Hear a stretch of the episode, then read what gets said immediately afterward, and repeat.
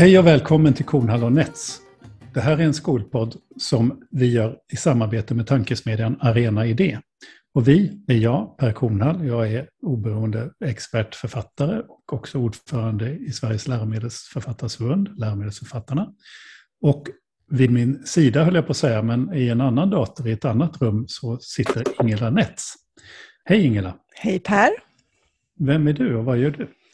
Jag är um jag envisas med att säga skolledare i själ och hjärta, för det är jag. Eh, men jobbar just nu på eh, kommunal utbildningsförvaltning med verksamhetsstöd och eh, framför allt egentligen med att, att utveckla det systematiska kvalitetsarbetet och stötta skolorna i det.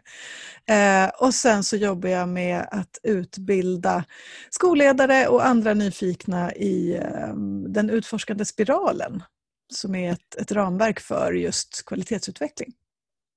Som är ju jättespännande och som fler borde kanske veta vad det är. Verkligen Men det ska vi inte prata om idag. Nej. Men tillsammans gör vi alltså helt ideellt den här podden för att vi tycker det är så otroligt roligt att prata med människor som är engagerade i skola och samhälle och i interfacet mellan skola och samhälle. Eh, och vi har nu haft, jag tror det är drygt 40 samtal som du och jag har lett, Ingela. Mm, mm. Och det är hela tiden nya, engagerade och passionerade människor. Och mm. när jag tänker på passionerade, engagerade och duktiga och så, så passar det väldigt väl in på vår gäst idag. Och jag är väldigt stolt över att vi har dig med. För det vi har med är Gunilla Molloy. Hej Gunilla! Tjena Per! Hur ska vi presentera dig? Alltså jag vet ju om att du har varit lärare, jag vet om att du har varit lärarutbildare, du har också skrivit en massa böcker. Men hur skulle du själv vad skulle du själv säga om dig själv? Ja, jag skulle nog säga det här som du sa, liksom att jag har varit lärare och lärarutbildare och skrivit böcker. Jag tror att jag också skulle lägga till att, att jag har varit elev. För ja. det, var, det var faktiskt någonting som, eh, ja, som fick min blick att falla på läraryrket med en stor avsky. Alltså, jag skulle, kunde aldrig tänka mig att jag själv skulle bli lärare därför att eh, eh, jag gick i gamla folkskolan och sen så gick jag i en realskola. Sen jag, gick jag i ett gymnasium och eh, i gymnasiet så träffade man ju äntligen lärare som behandlade en som en människa. Men, men alltså överhuvudtaget så var skolan, tyckte jag, väldigt tråkig. Och jag skolkade väldigt mycket och satt Eh, i skolans bibliotek och läste böcker. Så, så det där hade en sån eh, tyngd i mitt liv att jag tyckte att det här med kunskap kunde vara så tråkigt samtidigt som det kunde vara så roligt. Så sen när jag började vikariera som lärare, när jag läste litteraturvetenskap, då upptäckte jag plötsligt att, eh, att det kunde vara jättekul. Men det var ju eleverna som satte mig på det spåret. Vad roligt det kunde vara med tonåringar. Men, men här, du gjorde ett, ett hopp här verkligen. Alltså dels är det här jätteroligt. Jag tror att vi kan komma tillbaka till det här. Alltså varför är det så tråkigt att vara elev och varför är det ganska viktigt kanske att förstå att det kan vara tråkigt att vara elev för att bli en bra lärare och så vidare. Men men du hoppade över något led här. Om det nu var så tråkigt i skolan, varför vikarierade du som lärare? För jag behövde pengar. Alltså jag läste litteraturvetenskap och levde på mitt, eh, på mitt studielån och så vakade jag på sjukhus och då var det en läkare som såg att jag satt och läste så sa varför vikar du inte som lärare för det är mycket bättre betalt? Och då gjorde jag det. Mm. Vad hade du tänkt att du egentligen skulle jobba med? Då? Ja, jag hade tänkt att jag skulle jobba med någonting som hade med litteratur att göra, för det har ju alltid varit liksom min, min passion, det måste jag säga. Eh, att läsa och att tala om litteratur. Men du valde ju att skaffa dig en egen utbildning, alltså du, för det var inte så att du gick ut på stan och hittade på dumheter, utan du gick till biblioteket eh, och, och satte dig och läste. det är faktiskt Alltså det, det här låter hemskt men vissa, vissa tider i ens liv så är det roligare att umgås med böcker än att gå på stan med radhus. ja, ja. det där, jag, jag, måste bara, jag, jag, jag, blir så glad när jag hör dig säga det där just med biblioteket också. För att jag, jag var en extremt duktig flicka under hela min skoltid och, och, och eh, gjorde som jag blev tillsagd och, och så. Eh, men men eh, jag skolkade en gång på gymnasiet. Och då hittade min lärare mig i biblioteket. Så jag har lite samma, samma mm. erfarenhet av att, att um, det, var liksom, det var inte roligt på lektionen. Jag minns inte varför jag inte valde att gå, varför jag valde att inte gå på just den. Men på biblioteket fanns det alltid någonting som var, som var liksom meningsfullt. Får jag fråga dig Gunilla, vad du läste när du satt på biblioteket? Ja, jag blev också ertappad av en lärare en gång. Och då satt jag och läste Stefan Zweigs bok om Marie Antoinette. Och han blev så tagen av det så jag tror att ja. han, han släppte greppet om mig fullständigt. Alltså det. Ja, ja. ja men det, det, ja, jag förstår honom. Jag, kan, alltså jag har en sån här parallell upplevelse att jag, eh, jag fick ju, jag, min biologilärare på högstadiet ringde till min historie eller religionslärare eller något sånt där och, och sa att jag hade hållit på med så viktiga grejer så att jag hade inte tid att gå på hans lektion. Mm. Men då hade jag fått en egen nyckel till biologiinstitutionen och jag födde upp mm. råttor och, och det här låter ju lite, lite så här Dexterartat, men alltså min, min jag, ibland så födde jag upp små, små möss och sånt som jag då la i formalin och så diskerade jag dem. Liksom för att jag tyckte Nej, du ska inte berätta sånt där. Men för att det var liksom, ja, det, och det var ju mycket viktigare än, än den där historielektionen för mig naturligtvis. Och det såg han, den här läraren såg det. Jag tänkte på just mm. en lärare som ser att ja, men det här är inget destruktivt, det kan man ju tycka då, skära sönder små djur, men det här är inget destruktivt beteende utan det här är någon, någon vetgirighet som vi faktiskt ska tillåta. Mm. Alltså jag har, jag har faktiskt inga problem med att elever dissekerar möss utifrån det här genuina intresset att man vill se hur de ser ut inuti. Eh, när jag skrev min första bok, den här Reflekterande läsning och skrivning som kom 96, då hade jag en elev som bara skrev om fiske. Och då, I årskurs 7 så skrev han då en liten, en liten mager med vacker text om fiske. Och sen så i årskurs 8 så arbetade han om den, men då skrev han också hur han arbetade om den. Och i årskurs 9 så skrev han om samma text från 7 och 8 och skrev då en metatext hur han liksom tänkte kring den och hur han arbetade om den.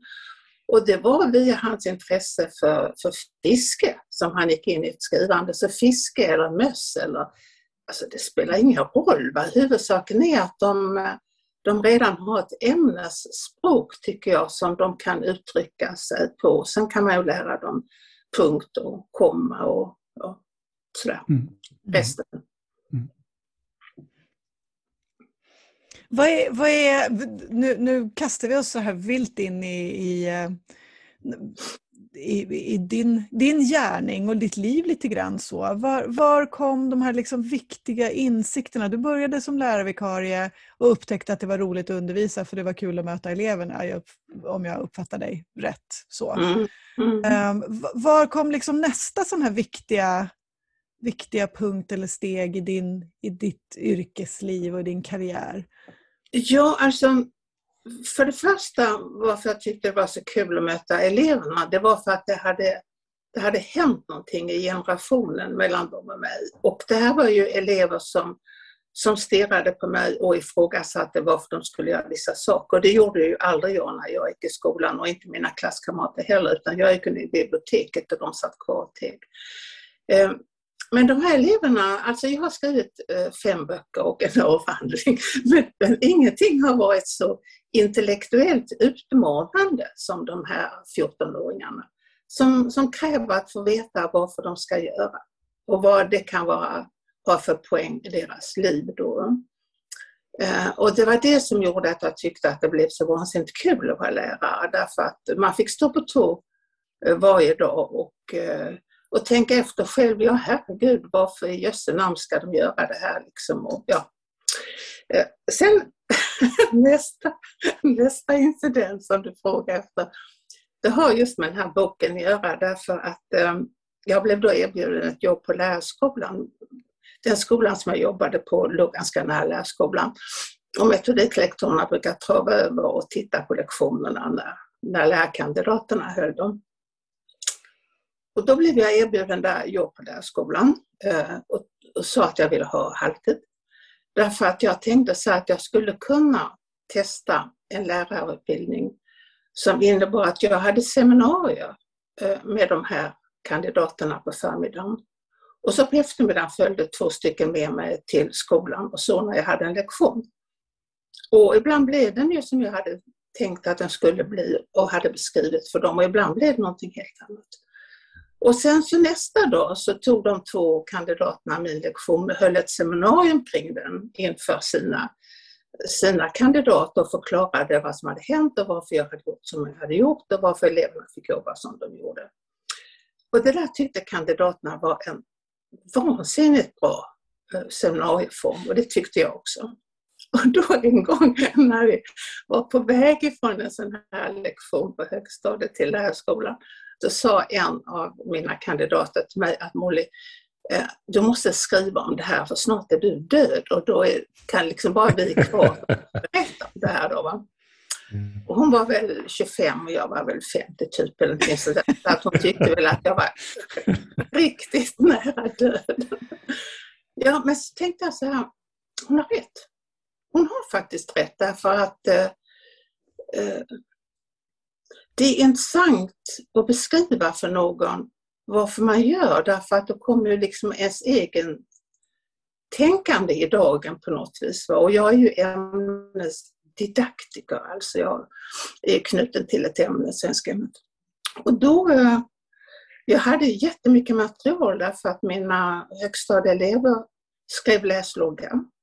Och i de läsloggarna fanns deras tankar och deras metareflektioner och det hände aldrig någonting på under en lektion utan att de fick skriva minst två eller tre gånger hela tiden. Eh, och jag hade min egen lärarplanering. Sen när jag gick ut på dem i nian, då tog jag allt det där materialet, tre år var det, sjuan, åttan, nian, och, eh, och min egen planering. Och så sökte jag ett arbetsstipendium som jag fick och så satte jag mig och skrev den där boken. Eh, det tog, jag tror det tog sex månader helt enkelt. Men det var för att jag hade så enormt mycket eh, strukturerat material. Och det är ju bland det här materialet som den här gossen finns som skriver om fiske, fiske, fiske. Då, va? Och det är så lätt, det är så otroligt lätt att se hur hans språkliga förmåga utvecklas och hans tankeförmåga. Så det var den, Ingela, det var den andra grejen då när den här kandidaten sa du är snart dömlig så du får skriva om det. så det var det som förde in mig på skrivandet. Mm. Det du säger här om undervisning på lärarhögskolan är ju jätteintressant, för där skulle man kunna hålla kvar naturligtvis. Det här är ju väldigt, en väldigt handgriplig undervisning om undervisning. Alltså att verkligen få se undervisning på ske och diskutera det eh, återkommande på det här sättet. Ja, alltså de, de fick alltid se mina lektionsplaneringar och så följde två stycken med över som jag sa. Så de visste vad som skulle hända, men även om det inte hände, även om eleverna intervenerade på ett sådant sätt att jag valde att gå vidare på det, så blev det ju ändå undervisning. Mm, mm, Alltså det är ju det. Va? Mm. Det var ju väldigt mycket, om man säger hands-on. Det mm. var renodlad metodik, ett ord som var helt förbjudet då. Um, och, um, men framförallt så var det ett, eh, ett didaktiskt tänkande som pendlade mellan mig och eleverna och ämnet. Så. Mm. Alltså det är jätteintressant. Jag, nu, och sen nu när du sa det här med metodik som ett förbjudet ord. Jag har ju en gång, de som lyssnar nu kanske, kanske inte alla var med på den tiden när det faktiskt var så att det var ett förbjudet ord, mer eller mindre. Men på den tiden en gång jag jobbade på Skolverket så var jag ute i någon skola, någonstans, eh, det var i Kalmar var det, i det rummet så var det en lång, sån där stor, det var en gammal NO-sal, fysiksal, det var en jätte, jättelång whiteboard, alltså jättelång, ovanligt jättelång whiteboard. Och så skrev, gick jag fram till den och så skrev jag, längst ner i ena hörnet så skrev jag ett litet M. Ja, det, här, det här lilla M här står ju för ett förbjudet ord. Och i lokalen satt alltså gymnasielärare, lärarstudenter, lärarutbildare, en rektor, alltså hela, hela spannet. Då. Och så här, vilket ord tror ni jag tänker på? Och en, ett par händer upp och jag frågar, ja, metodik. Mm. alltså det var, man visste att metodik var ett fult ord helt enkelt. Eh, annars var man inte... Ja. Alltså det, det, det, är spännande hur det kunde bli på det viset. Alltså lärarutbildningen är ju en professionsutbildning. Man måste lära sig att göra någonting helt enkelt, precis som läkarutbildningen. Eh, precis som psykologutbildningen och veterinärutbildningen. Allt det här liksom är professionsutbildningar där där man följer med någon eller man sitter vid sidan om någon eller liksom man slussas in i det. Även juristerna har en sån här utbildning då.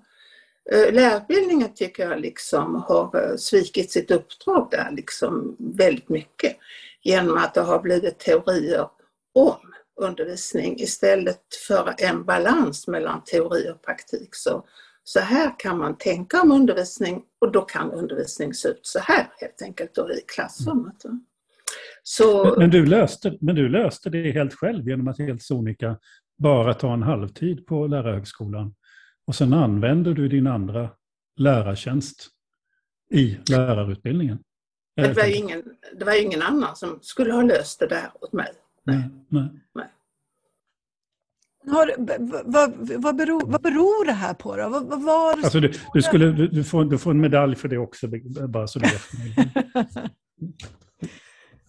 vad, vad var det som gjorde att, att metodiken och det här liksom, vad vi nu ska kalla den, den tysta kunskapen från hantverket, liksom, att, att det på något vis inte var värderat?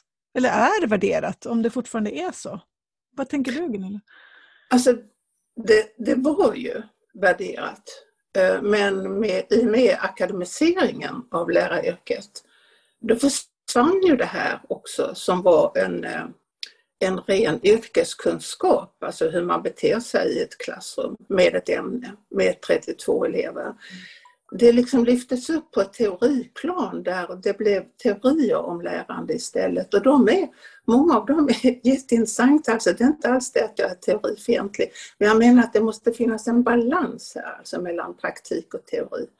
För blir det bara teori och de inte kan eh, handskas med det som innebär med 32 misstänksamma tonåringar. Varför ska vi göra det här för? Sådär, va? Mm. Ja, det står de där handfallna. Mm. Och det är, ju, det är också så jättemånga som hoppar av lärarutbildningen efter första praktiken. Mm. Och här tycker jag det blir så spännande. Därför att vi, vi träffade ju ganska nyligen i podden eh, Tola Maunela som är, är matematikdidaktiker mm. och, och, och mm. som, som pratade oerhört hängivet om just undervisningens värde. Så. Och så lite grann så, så var vi inne på det här, vad behöver komma först? Är det relationen och, och liksom den här kulturen i rummet eh, och ledarskapet med det? Eller är det undervisningen som i sin tur leder fram till att det andra faller på plats på något vis? Går det ens att resonera så? Ja, um, jag vet inte vad Tulla sa, men alltså för, för mig är det så att relationen kommer i, i det ögonblick när man by, börjar bygga upp en undervisning. När man svarar på den här misstänksamma frågan eh, varför ska vi läsa den här boken till exempel? Eh, och när man sedan visar hur man kan läsa och samtala om en bok, då bygger man den här relationen. Men jag tror inte på det här relationsbyggandet som, som liksom inte har något riktigt innehåll, för vi är ju faktiskt i skolan för att lära oss saker. Då ska ju, då ska ju det på sitt sätt stå i centrum. Mm. Det var ju precis vad Tola sa. Mm. Alltså, ja, ja. Mm. ja. exakt. Ja. Mm. Jag tänkte på just det där förhållandet för du säger varför ska vi göra det här? För det här är ju en sån där sak som jag sa till kandidater. Jag har ju aldrig varit lärarutbildare, men jag hade kandidater så ofta jag fick tillfälle för att jag, jag tyckte det var så himla kul helt enkelt. Just för att man blev själv också då fick tvungen att ifrågasätta varför man gjorde som man gjorde då. Men och det jag sa till dem ofta var ju, var ju att, att du måste kunna motivera varför du mm. gör någonting eller varför mm. man ska lära sig någonting. Mm. Men vad säger du till dem som säger att ja, men, men regeringen har ju sagt att jag ska undervisa om det här. Räcker inte det? Jo, men regeringen sitter inte i mitt klassrum. Mm. Jag tror att eh, för många svensklärare så är den här frågan, varför ska vi läsa den här boken, den är väldigt vanlig. Ja. Ehm, och, och några brukar då liksom ta fram kursplanen och säga att vi ska läsa så, äldre författare eller yngre författare. Eller sådär. Men, men den första meningen i kursplanen i svenska, den låter faktiskt så här att, att språket är människans främsta redskap för att tänka eh, och kommunicera och lära. Och jag tycker att tänka är det mest intressanta. Men, men då är det så att man måste tänka i alla ämnen. Man måste tänka i matte, man måste tänka i biologi och sådär. Va? I, I svenskan så är det ju en fråga, vad är det vi ska tänka på? Alltså vad är det vi ska tala om då? Eh, och till de här eleverna som säger liksom, varför ska jag läsa den här boken då? Så brukar jag säga att det beror på att jag är intresserad av att veta vad du tänker om den här boken och vad du liksom tänker att den handlar om, det skulle jag vara jätteintresserad av att veta. Då blir de ju väldigt misstänksamma därför att det är så sällan som lärare i skolan frågar dem på allvar. Så vad tänker du faktiskt på? Då?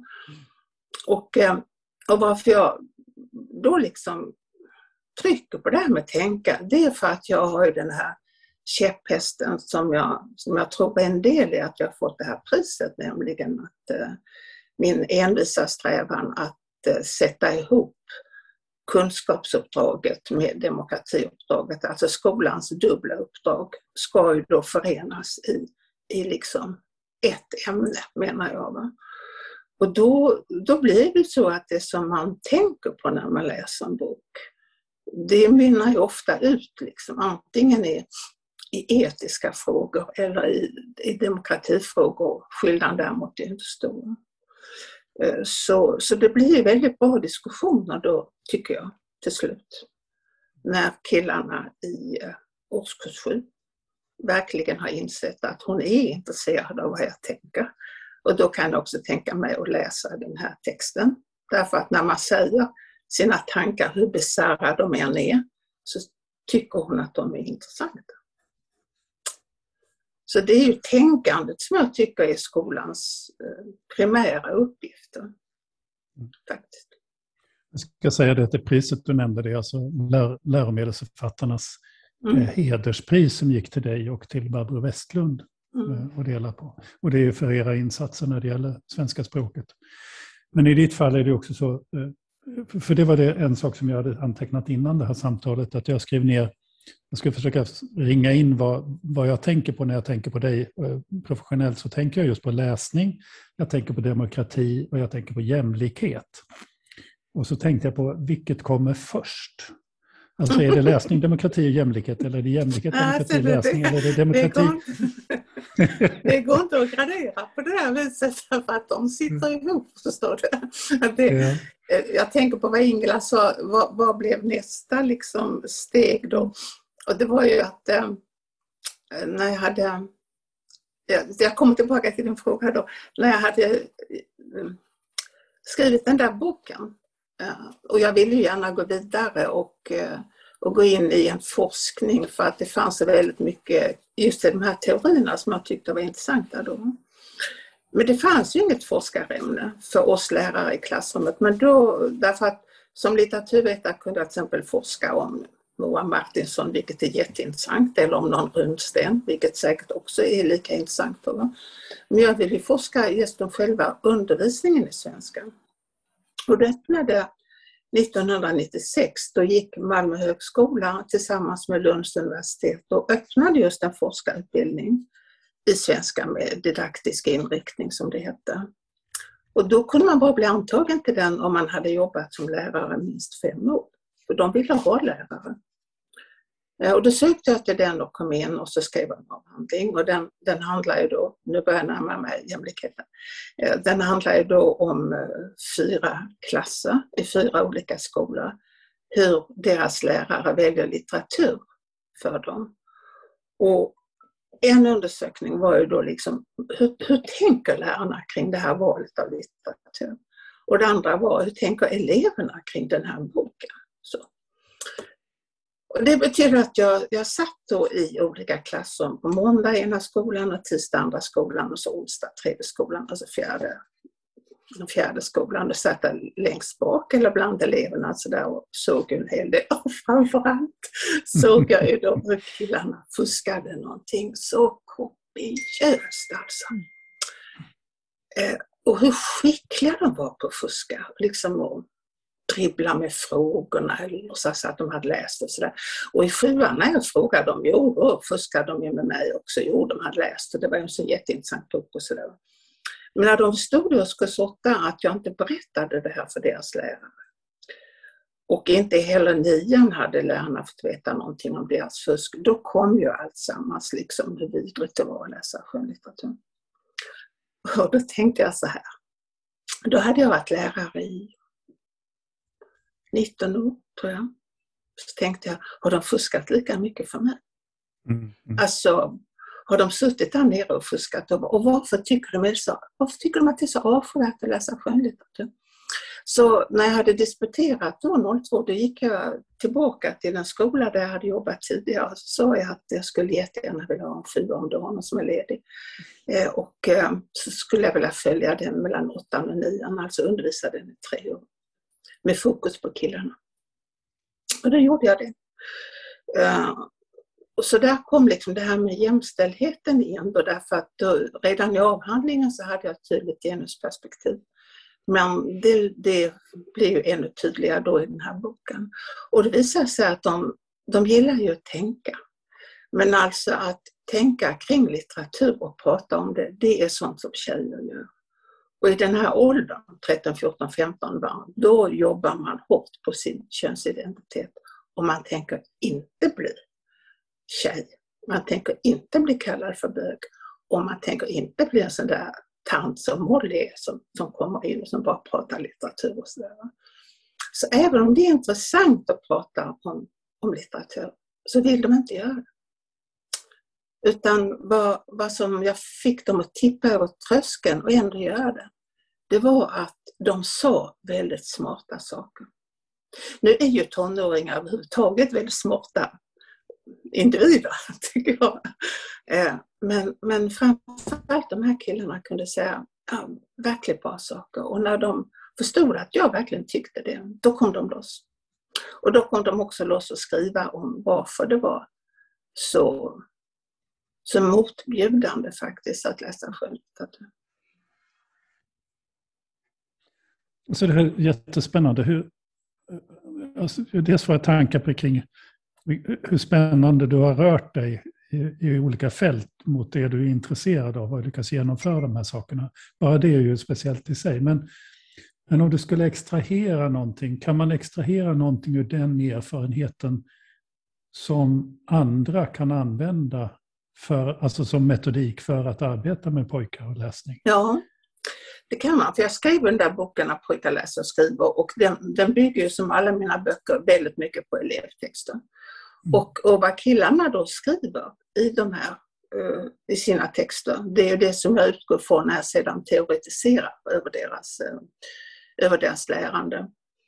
Och det är på det viset som jag hela tiden kunna, har kunnat dra ut liksom poängen med att, att skriva för att kunna visa för andra lärare att det är, det, är inte, det är inte så komplicerat. Alltså man behöver liksom inte ta till de stora kanonerna utan det går jättebra med penna, papper och läsloggar liksom och, sådär och lyfta upp deras frågor och visa dem. Och på den tiden som jag undervisade så visade man dem på lobbhet. Nu gör man annorlunda då. Eh, och, eh, och de får se, de får se sig själva speglade i klassrummet alltså. Och eh, kamraterna tycker också att de är smarta begåvade, intressanta. Mm. Liksom, sådär, va? Det, det, är ingen idé att sitta och säga dumheter för det bara faller platt i marken.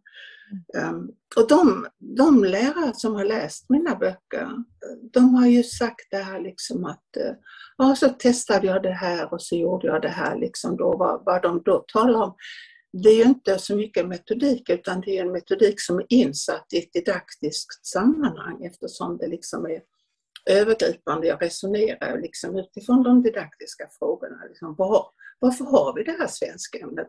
Vad har det för legitimitet överhuvudtaget i skolan då? Och um, vad, vad, vad, är det jag ska läsa med dem nu? Och varför väljer jag det här? Och vad är det för elever jag har framför mig? Och hur ska vi göra det här? Och så då, och hur ska vi göra det så att vi lyfter fram dem som, som unga, tänkande, begåvade människor? Det är det. Mm. Jag har, ett, jag har ett minne av en föreläsning med dig någon gång där du berättade om en kille som verkligen inte ville skriva. Men som skrev en liten text om en moped, eller vad, minns ja. jag rätt? Ja. Eh, du får jättegärna ta det lite kort, för jag tycker det är så, så gripande över hur man kan, eller hur du synliggjorde för honom att han faktiskt hade, kunde skriva och kunde tänka.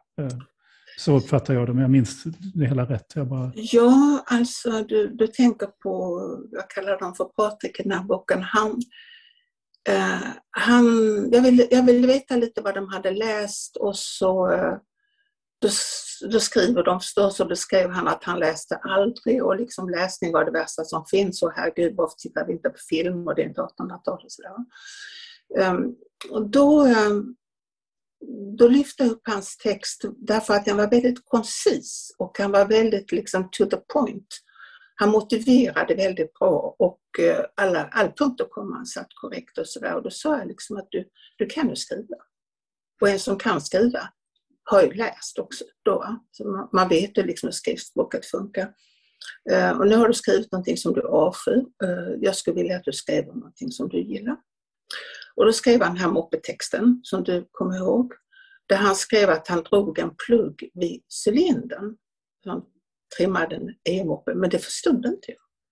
Mm. Eh, så jag var tvungen att fråga honom varför drar man en plugg vid cylindern? Vad är poängen för det? För han hade inte skrivit poängen för det var så självklart för honom då att man trimmade sin moppe. Eh, och då fick vi helt enkelt en dialog kring hans skrivande. Och sen, eh, ja det tog väl ett år innan han motvilligt började läsa. Men, men han läste ju sen också då faktiskt. Mm. Eh, så det här med att bygga relationer som ni pratade om tidigare, så jag tror inte, jag tror inte man går in liksom och gör sig vänner med de här eleverna. Det, jag har andra vänner liksom då. Men, utan jag tror att man går in och visar dem att eh, de är unga och, och klipska. Och även om de avskyr skolan så eh, kan de tillföra någonting som sedan liksom kan studsa tillbaka på dem och göra att de blir ännu, ännu smartare. Jag, jag sitter och funderar nu på, på uh, för, för, det görs ju och har ju gjorts, under de 20 år som jag har varit verksam inom skolan så har det ju hela tiden kommit uh, oroande signaler om att våra ungdomar läser för lite och att det är viktigt med läsning. Och man pratar om, om liksom vårdnadshavare behöver läsa för sina barn hemma och allt det där. Gör vi oss själva en otjänst när vi bara pratar om, om själva läsandet och, och glömmer perspektivet tänkandet? Ja, alltså framförallt så gör vi, oss en, gör vi oss en otjänst när vi bara pratar om läsandet och inte talar om samtalet. För jag menar att läsandet, det är bara 50. Sen kommer samtalet kring det här. Ehm, och eh, jag har ju läst böcker eh, i förväg och grundat med en uppfattning som jag nogsamt undanhåller eleverna då, utan de får läsa och lägga fram sina uppfattningar, sina tankar och de de ser ju ofta andra saker. Ehm, därför att ehm, Ehm, jag brukar citera en, eh, en engelsk teoretiker som heter Robert Scholes och han brukar säga så här att ehm, the text and the reader are already written when they meet. Vilket betyder liksom att eh, du och jag Per skulle förmodligen läsa samma text på olika sätt. Därför att vi har olika livserfarenheter och olika bagage och sånt där. om du då tänker dig att du har en klass med 30 unga och ger dem en, en text som de kan gå in i så kommer de mer eller mindre att läsa ut olika saker ur den här texten. Eh, och det är där som samtalet uppstår. Därför att eh, då får man ofta liksom prata om, men varför ser jag det här? Varför ser jag det här och inte någonting annat? Då, ehm, jag minns vi läste till exempel eh, Låt isbjörnarna dansa en gång och jag hade läst den som en, en text om klass och språk. Det gjorde inte de, utan de läste den som en text om vuxenvärldens svek mot ungdomar. Det blev en helt annan läsning. Så, så det är ingen idé liksom att hålla på och tjata på folk att de ska läsa saker och ting om man inte pratar om dem sen. Mm. Det är också det roligaste. Mm, ja. Det skickar tydliga signaler, tänker jag, kring hur, hur den, alltså undervisning i läsning också behöver läggas upp. Att den, den liksom ensamma, tysta läsningen kanske inte fyller den funktion som du menar är det viktiga med läsningen då, utan det handlar om det här gemensamma samtalandet ja, åtminstone. Ja, den, den kan ju fylla funktion om den följs av samtalet. Mm. Absolut alltså. Och det, och då blir det ofta, jag minns eh, den här kopplingen som jag alltid vill göra mellan, eh, mellan kunskapsuppdraget och demokratiuppdraget, att vi hade en eh, eller jag fick en klass där jag tyckte de var inte så trevliga mot varandra faktiskt, en sjua. Och då läste vi en bok som hette En bra klass och den handlar om en klass som har ett väldigt gott rykte men så kommer det dit en flicka från Bosnien som är märkt av sina krigsupplevelser och därmed också ganska aggressiv och föräldrarna reagerar naturligtvis som vissa föräldrar gör då. Och vill ha ett föräldramöte där man ska rösta om den här flickan ska få gå kvar eller inte. Eh, mina inte så trevliga elever i årskurs 7 tyckte ändå att det här var en förfärlig sak att göra, att rösta på ett föräldramöte om man ska få gå kvar i klassen eller inte. Och då eh, skrev vi naturligtvis om det, vad, vad röstning innebär och vad demokrati innebär eftersom ja, de två sakerna hänger ihop. Och det var den pojke som, och om de själva uppfattade sig som en demokratisk klass. Det var en pojke som skrev, ja det är det. Det är en demokratisk klass. Vi får rösta till exempel. Vi får rösta om vi ska åka hit eller dit på, på utflyktsdagarna och sånt. Och det har han ju rätt i. Alltså att få rösta, det är ju en, en demokratisk process, det ingår ju där. Och så var det en flicka som skrev att nej, det tycker inte jag, för det är alltid några som ska snacka hela tiden, göra sig breda på andras bekostnad och, och säga någonting som, som inte är så kul. Och det är ju ett odemokratisk handling, så att det finns ju liksom ett demokratiskt system och inom det kan det finnas odemokratiska uttryck. Eh, och de där två, eh, två korta kommentarerna, de blev sedan ledstjärna i den här klassen när vi hela tiden kunde diskutera är det här demokratiskt som vi gör nu? Betyder det att alla, alla får komma till tals? Alla har lyssnat på de flesta, liksom då. Um, kommentarerna har varit schyssta, respektfulla och så vidare. Uh, så jag tror att väldigt mycket ur den här läsningen som vi gör så, så emanerar eh, också frågor som är viktiga om man, om man tar demokratiuppdraget, skolans demokratiuppdrag på allvar. En sån här fråga kring det här, för, för du, du pratar väldigt mycket om de här samtalen kring texter. Jag får en känsla av att, eftersom jag, jag inte har aldrig jobbat som svensklärare eh, som sådan, men att du har jobbat ganska mycket med kanske kortare texter än vad som är vanligt. Alltså för att kunna bearbeta, kunna samtala om dem så kan ju inte alla texter vara, vara långa. Eh, har jag, eller missförstår jag dig? Eh, Nej, alltså de, um, vi läste alltid hela böcker. Uh, med all respekt för det priset jag har fått så tycker jag att i läromedlen är det ofta lite stympade texter. som uh, vi läste ofta hela böcker, men de texter som vi pratade om, det var inte, inte så mycket bokens text. Nej, nej, utan, utan elevernas texter. Mm, mm, men de var ganska korta? Eller? Ja, alltså de var ju ganska korta när vi började, men de blev ju längre och längre. faktiskt. Och mm. på slutet var det ofta, det ska skrivas olika typer av texter. På slutet i årskurs 9 kunde det vara så här med resonerande text att de jämförde två eller tre böcker som de hade läst. Och då hade de ju sina läsloggar att utgå ifrån och sina anteckningar.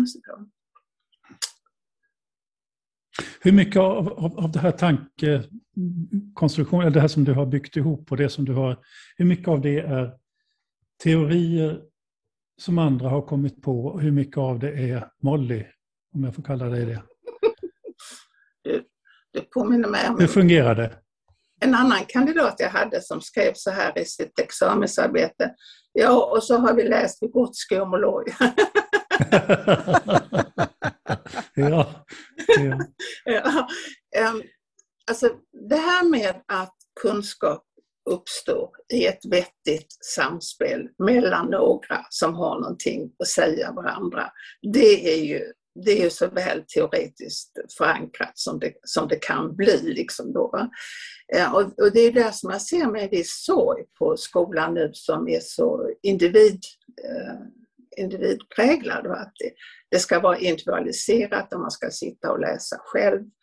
Eh, och man ska göra små egna arbeten och små egna projekt och sådär. Alltså det, där tror inte jag på, utan jag tror på kollektivet helt enkelt. Och vid Gottskuppe, han brukar tala om den närmaste utvecklingszonen, talade han ju om relationen mellan en lärare och en elev. Jag brukar tala om den närmaste kollektiva utvecklingszonen och den har man ju alltid i klassrummet. Liksom då, att det är en replik från en elev eller liksom en kortskrivning från en elev kan ju föda så mycket material från de andra som antingen håller med eller inte håller med. Då är ingen idé att sitta och skrika där rakt ut utan då vet de att det här måste de skriva och motivera. Därför att skrivandet föder tänkandet. Mm. Nu blir vi så tysta igen bara för att det är så många, det, det, det, är så många tankar som snurrar och så många spår man, man vill liksom mm. Tänka djupare i. Alltså en, ja, Nej men varsågod Gunilla, du var på väg att säga något.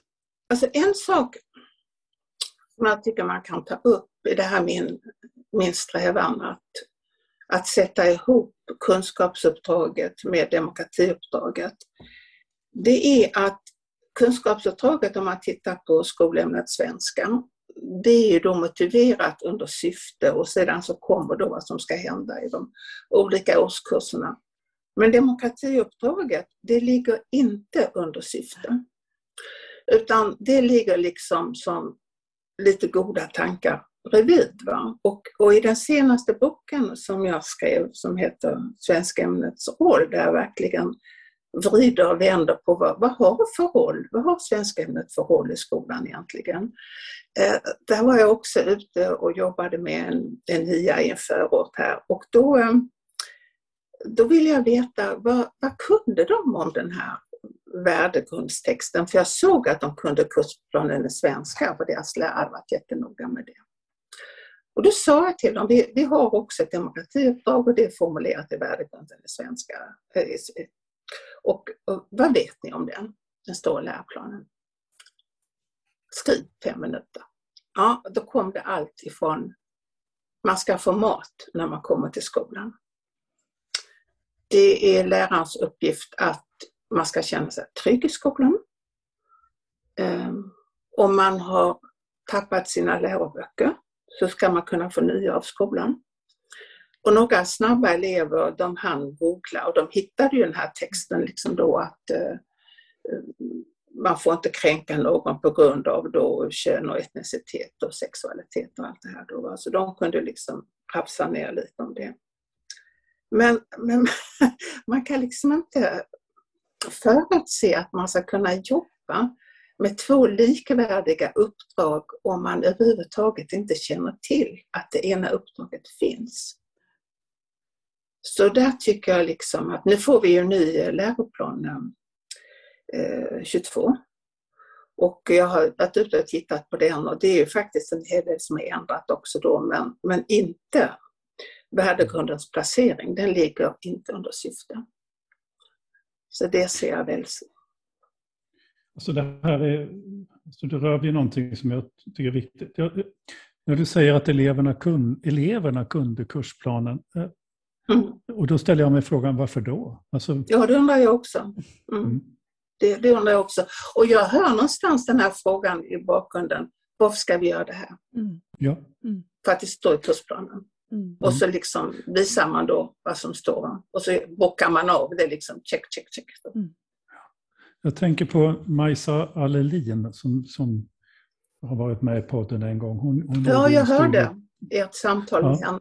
Det var väldigt, väldigt bra. Mm. Ja, för hon rör ju sig just i de här dimensionerna. Hon, jag tänkte på henne tidigare i samtalet, för en av de saker som hon observerade var ju att de här eleverna fuskade kopiöst. Och det var ju likadant där, att hon var ju där på mm. deras villkor, så de berättade ju för henne. Alltså, mm. men, men de fuskade kopiöst. Men hon, hon har också en notering där hon skriver att det verkar som att kunskapsförmedlingen har ersatts av kriterieförmedling. Ja. Det är en av de, en av de sorgligaste liksom, lilla texter som jag har läst. Ja. Uh, och det är det jag tänker, det, varför ska eleverna kunna det där? De ska kunna, ja. Det är något annat de ska kunna tycker jag, än, ja. än läroplanstexter. Men det beror på införandet av New Public Management. Alltså det är, allting ska kunna mätas då, och då måste det kunna mätas mot något. Och då kommer de här kriterierna, då kommer liksom en avbockning.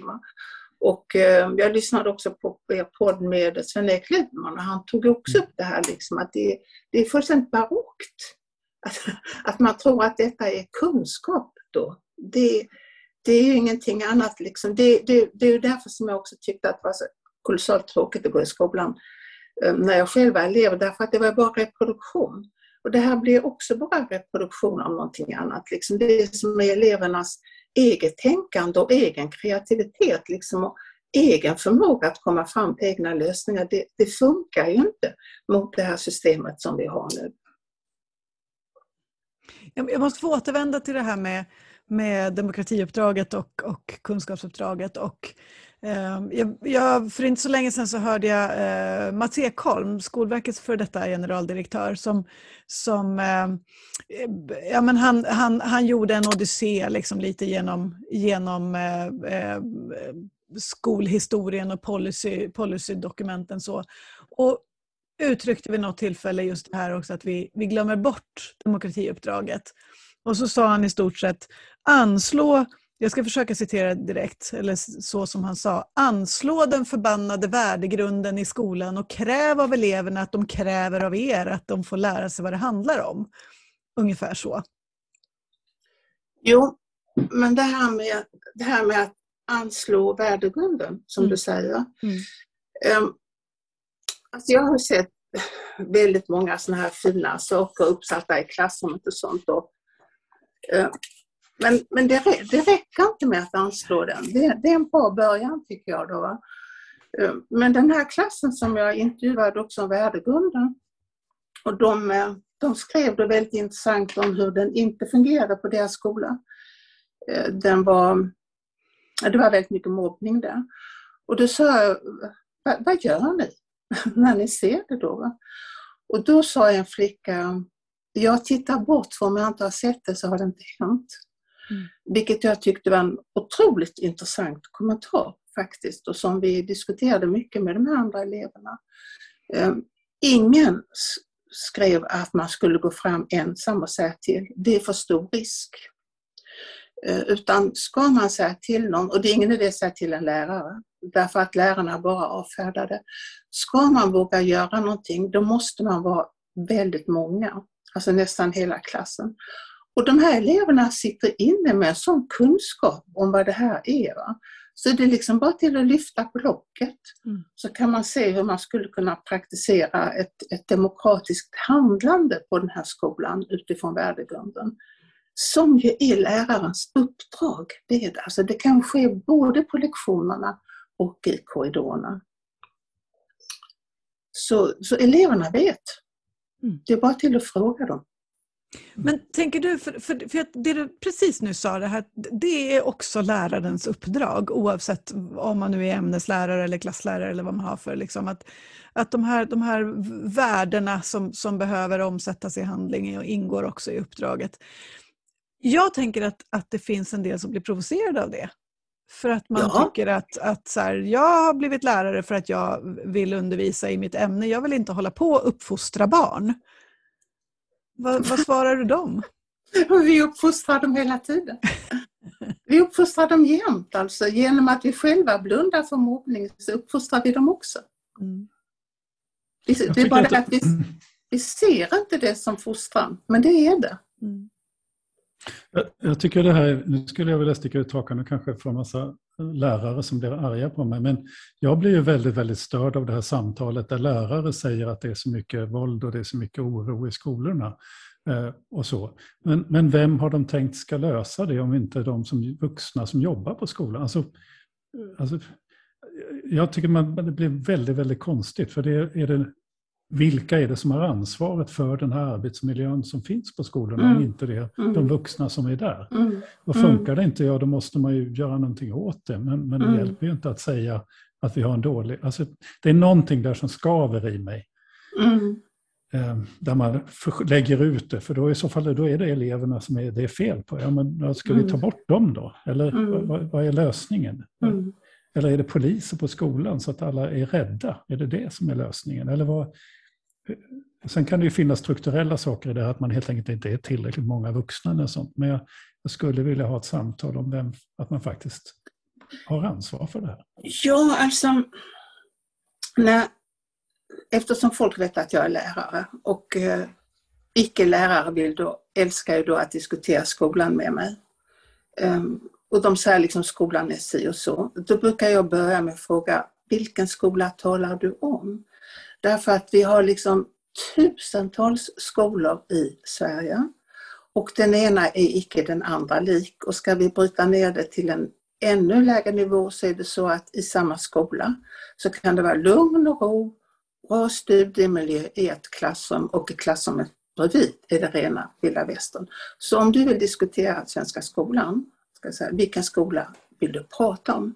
Alltså vilken fysisk skola vill du prata om? Som du har de här erfarenheterna ifrån. Och när man, när man bryter ner det där liksom, då, då hittar man ju ofta att eh, det är en slags allmän klagomur, men ibland är det också väldigt faktiska uppgifter som man får. Eh, Och då kan man sätta sig och diskutera dem utifrån det här perspektivet som du har. Vad, vad skulle man då kunna göra? Va? Och, eh, få en vettigare diskussion än det här klanket på svensk skola, för det finns så kolossalt mycket bra skola. Det finns jättemånga bra lärare. Då. va. Men alltså det här är en yrkeskurs som alla andra. Det finns bra lärare, det finns bra lärare, det finns hyggliga lärare, det finns mindre bra lärare och så finns det några lärare som inte är så lyckade. va. Så det, det är som advokatkåren, som juristkåren, som läkarkåren, det är precis det här då. Så, så det tycker jag att man också ska tala om för folk att eh, ska man klaga på skolan så vill jag veta precis vilken skola de talar om.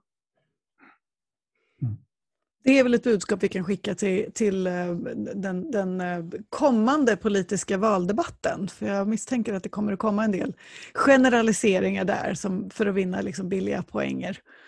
Vad, om du fick välja nu, om du, vi säger att du, du blir skolminister Gunilla. Med full majoritet att, att eh, göra det eh, som du anser vara kanske de tre viktigaste förändringarna eller, eller behålla det som finns. De tre viktigaste sakerna för svensk skola framåt. Vad skulle det vara? Ja, för det första skulle jag återinsätta Anna Ekström. Jag tycker vi har en utmärkt skolminister. Jag skulle be henne stanna ett varv till faktiskt. Eh, sen skulle jag fråga henne hur vi kunde join forces för att sänka friskolorna. Det är mitt andra uppdrag. Eh, och för det tredje så skulle jag se till att det här med eh, demokratiuppdragen lyfts in, dem, demokratiuppdraget lyfts in under syfte. Mm. Det gick snabbt att bli skolminister tyckte Ja, jag. Ja. Fast du Och avsa dessutom- dig rollen lika Ja, direkt. Du lämnade över det direkt. Den, den ena där var lite fusk faktiskt. Eh, eh. Varför är det så problematiskt med friskolor då? Nej men det är inte Därför att de kan välja till exempel. De kan ha en lista på elever som de vill ta in och inte ta in. Och eh, de tar bara in de som kommer att löna sig, de här eleverna. Eh, de andra får andra skolor ta hand om. Det, det, det, sen är det att de, eh, de tänker på en vinst, det är en ren vinstdrivande funktion. Det går på mina skattemedel, vilket gör mig rasande. Och det, det finns en hel uppsjö av detta argument. Men det intressanta är, tycker jag nu i debatten, att det har börjat komma en kritik. Gång på gång på gång på gång kommer den. Och eftersom det mesta intressanta sker bakom kulisserna så undrar jag liksom egentligen vad, vad är på gång? Vad är på gång? Det får vi kanske se efter valet, ja. när jag har blivit skolminister. Ja, ja, när Ekström kommer tillbaka. Ja. Men punkt tre där känns ju ändå som en viktig sammanfattning, tänker jag, av, av, av det som, som är liksom din, din gärning. Att, att faktiskt lyfta in vikten av att demokratiuppdraget är skolans syfte. Ja, det är ett av skolans syften. Mm. Mm. mm. Men det är, ju, det är ju det, det har ju varit det ända från början. Mm. Alltså, mm.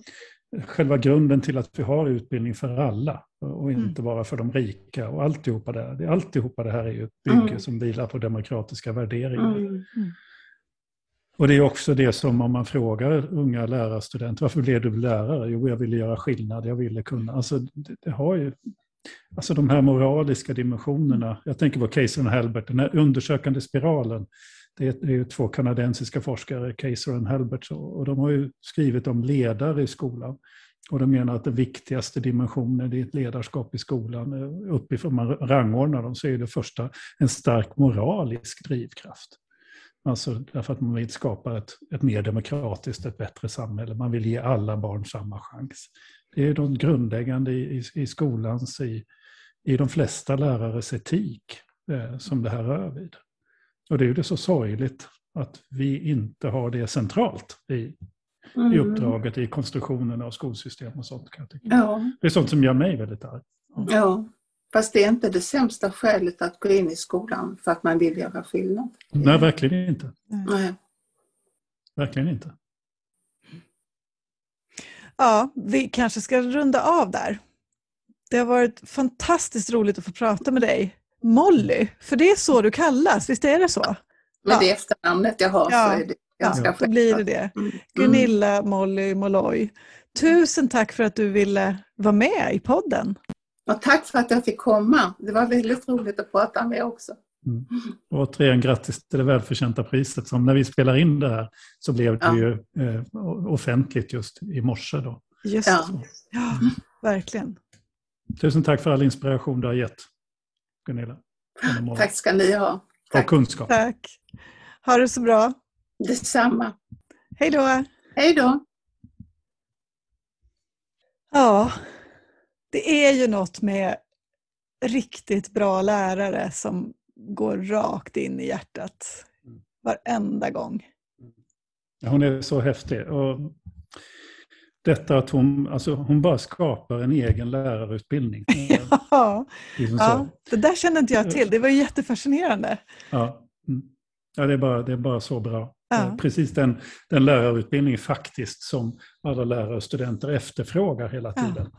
Den ja. gjorde hon bara för att, ja men annars skulle hon väl inte, alltså, alltså, ja, hon, hon har en tydlig idé vad hon vill, ja, drivkraft helt enkelt. Mm. Och, och det, ja, mm. Helt super, och, och samma sak tänker jag när hon beskriver hur hon liksom upptäckte det här att eleverna hade fuskat och killarna smet undan liksom och, och, mm. och, började fundera på, gjorde de det hos mig också? Och att då kliva in i en skola och säga, jag behöver en sjua som jag kan följa till nian för att, för att liksom pröva om det är mm. så, eller, mm. eller utmana mig själv och min, min kompetens i mitt uppdrag. Det är fantastiskt.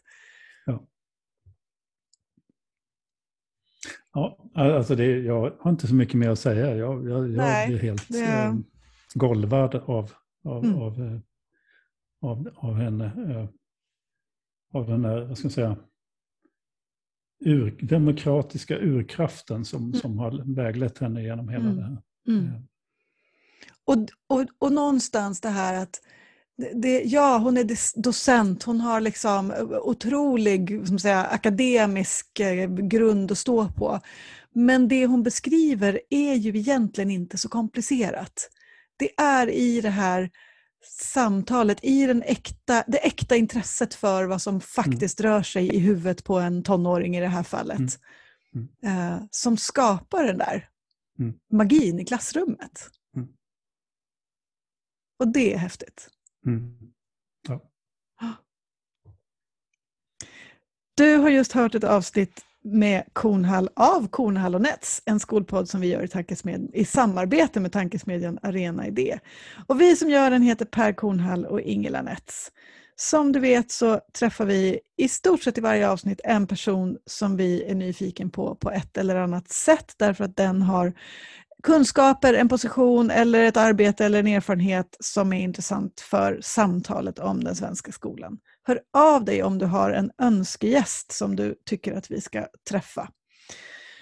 Du vet också att du kan se oss eh, i en videoversion som dessutom är oklippt av podden. Den hittar du på Arena Idés hemsida och på deras Youtube, eh, Youtube-kanal. Och eh, ja, men med det så säger vi tack för idag. Vi hörs snart igen.